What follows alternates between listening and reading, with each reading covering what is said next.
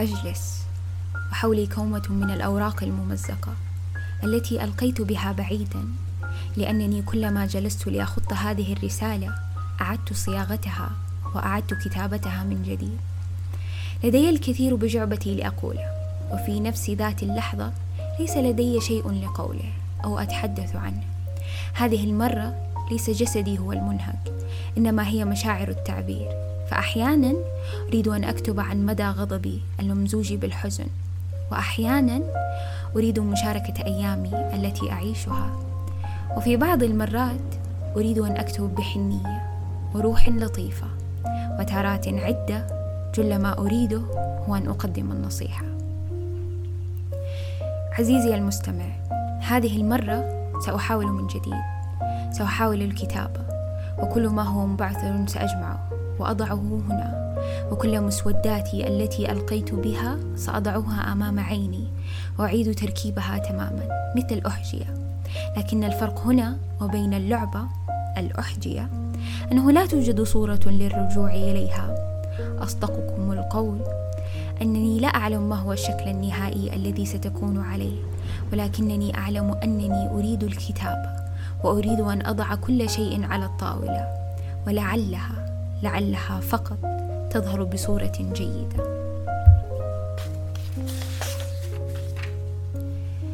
أجلس ملتفة حول لحافي الدافئ. فهذه الأيام على الرغم من حرارتها إلا أنني أشعر بالبرد. ودعوني أخبركم بشيء آخر. لطالما أحببت الجلوس بمفردي في الهدوء والصمت التام يلملي ما شتات نفسي وكياني بعد يوم طويل وشاق. لقد كنت في طريقي لمواجهة ما يجب علي أن أواجهه. لكن جسدي يريد الهرب إلى الوراء ولكن عجلات القدر تدفعني بقوة إلى الأمام. ولا مفر لقد قضي اليوم وها أنا أكتب عنه. أعيش المكتوب وأكتب عنه. يا له من منظور. بعيني أتأمل ورقتي التي لم تلمس بعد. التي لم تلمس بعد أي شيء ولكن كتب فيها كل شيء.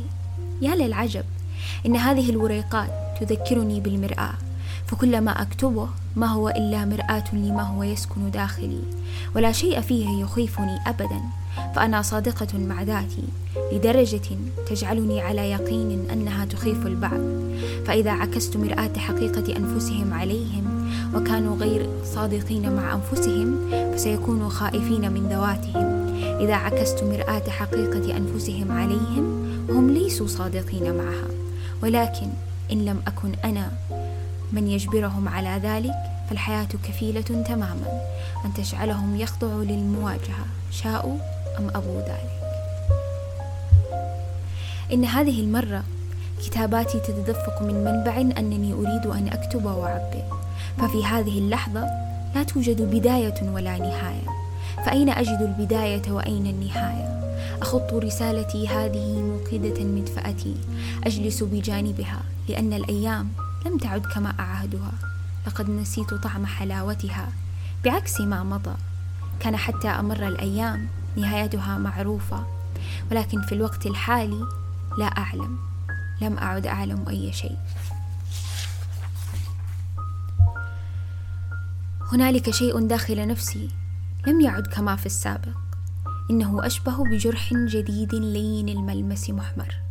أتعامل معه بحذر لكي لا يؤلمني أكثر. وأخشى أن يلمسه أحد لكي لا أتألم. فأنا أعلم لين ملمسه المتورم ولكن لا أحد يشعر به غيري. لذلك أنا حذرة. يلتف حولي لحافي الدافئ. بينما ألقي الحطب داخل مدفأتي لطالما أحببت شعور الدفء. منزلي ما زال رطبا من الطوفان فكلما استلقيت على مرتبة سريري نظرت من خلال سقف غرفتي المحطم وهو يقطر ماء. حتى في وقت الهدوء التام إنني لا أسمع أي شيء ما عدا صوت المدفأة وقطرات الماء في الوعاء وهرير الرياح وذلك لا يزعجني فهو جزء من ذلك الهدوء. إن كل قطعة ملابس تلامس ظهري يوجد بها ثقب من الخلف ومن الأمام لكي يتسنى أن يدخل من خلاله رأس سهامي وباقي أجزائه. إن كل شيء حولي محطم لوهلة فلا أعلم ما الذي يحدث لي. وددت لو أوقد النار بمنزلي وأشعله ولحرقت حتى أسطواناتي التي أحبها وذكرياتي التي امتزجت معها ولصرخت وأنا أشاهدها تحترق. ولجمعت كل الرماد ولقسمته لسبعة أجزاء ولرميت كل جزء منه في السبع المحيطات ولم أتلفت إلى الوراء ولو لمرة واحدة. ولكن هذا منزلي حتى وإن كان حتى وإن كان رميم فهذا مأواي. أخذتها وألقيتها. لم أعلم إذا كانت هذه بداية جديدة لتكملة تسلسل الأحداث ولكن هذه هي الحقيقة. لنجرب مرة أخرى.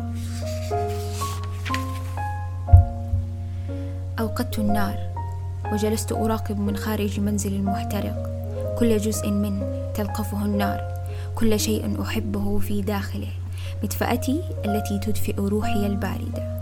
سريري الذي يحتويني. أسطواناتي الموسيقية التي تحييني. وكل ذكرياتي. جلست أنظر إليها حتى تلاشت أصبحت رمادا أمام عيني. لنجرب مرة أخرى. بسم الله الرحمن الرحيم. أخط هذه الرسالة ملتفة حولي لحاف سريري. أتدفأ بجانب مدفأتي. صوت قطرات المياه تقطر واحدة تلو الأخرى في دلو مليء بالمياه. نعم ما زالت الفجوة في سقف المنزل. أعتقد أن ضوء القمر وتلألؤ النجمات مع المزيج من الطائرات المارة هو فقط الشيء المشرق إذا ما نظرنا إلى الجانب المشرق. لكنني لست متأكدة من صحة هذا الشيء. ما زالت الليالي تؤرقني والسهم ما زال مخترقا دواخلي ومكنوناتي وغضب الحزن ما زال يزورني هدوء الليل يؤرقني والأفكار تحوم حولي. بعدما اعتقدت في كل يوم جديد أنني على ما يرام من جديد. بالأمس حامت الأشباح علي وأنا التي كنت أعتقد أنني بأمان منهم. يسحبون سهمي يلعبون فقط به إنهم لا يريدون إنقاذي فقط يؤرقوني. فخرجت بالأمس من منزلي معتقدة أنني هربت من قبضتهم حتى حاصروني بالفجر ولم أكن أريد أن يؤرقني التفكير ولا الحيله في التدبير. فهذا هو منزلي الذي أعيش فيه ولا يمكنني فقط أن أشعله بالنار حتى يتلاشى ويتحول إلى رماد. ولكن لو علي لأوقدت النار وأحرقته وخرجت منه ولم أتلفت إلى الوراء ولو لمرة واحدة ولحرقت حتى أسطواناتي التي أحبها وذكرياتي التي امتزجت معها ولصرخت وأنا أشاهدها تحترق. ولجمعت كل الرماد ولقسمته لسبعة أجزاء ولألقيت كل جزء منه في السبع المحيطات. ومع كل هذا لن يكون كافيا أبدا أن يداوي سهمي الذي اخترقني وصار جزءا مني. ولكن هذا هو منزلي الذي يحتويني. يا ليتني لم أستطعم الحلاوة هذه الدرجة من الراحة والأمان. مرة أخرى.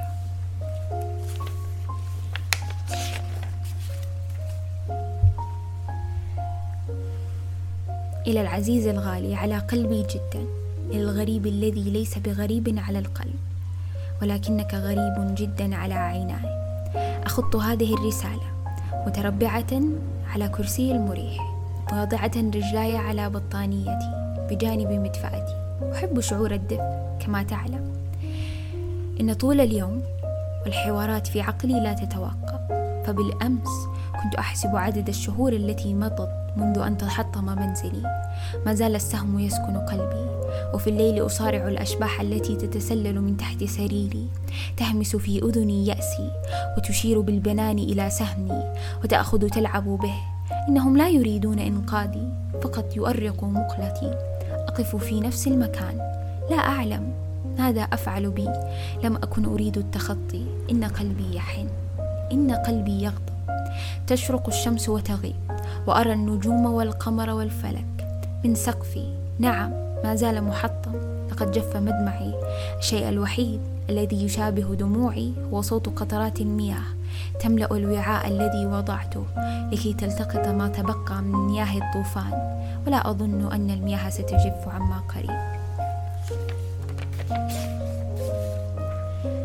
لا أريد سماع كلمات الطبطبة مثل عليك المضي وغيرها من الترهات.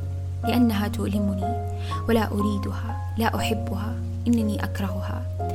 تأتي أيام يهيج علي موجة من الغضب ووددت لو أن أوقد النار بمنزلي وأحرقها. وخرجت منه ولم أتلفت إلى الوراء ولو لمرة واحدة ولا حرقت حتى أسطواناتي التي أحبها وذكرياتي التي امتزجت معها ولا صرخت وأنا أشاهدها تحترق. ولجمعت كل الرماد ولقسمته لسبعة أجزاء. ولرميت كل جزء منه في السبع المحيطات. ولكن هذا منزلي أنا لا يمكنني فعل ذلك. يا غاليا على قلبي. قل لي كيف أداوي جرحي. قل لي كيف أسترد نفسي. قل لي كيف أوقف سيل دموعي. قل لي ما يواسي قلبي. قل لي شيئا يؤنس وحشة أيامي. قل لي شيئا لا يعلمه أحد سواي. قل لي شيئا يلئم القلب ومحتواه. قل لي يا هذا. أما تسمع النداء؟ أنا أعلم جيدا أنك لا تستطيع أن تقول أي شيء. يا غاليا على قلبي إنني لم أعهدك ألا تكون شجاعا وقويا. ولكن هذه المرة غلبك أكثر شيئا أكثر شيء كنت تخافه. تدفنه في نفسك على أرفف عقلك ظانا منك أن الحياة لن تضعه نصب عيناك.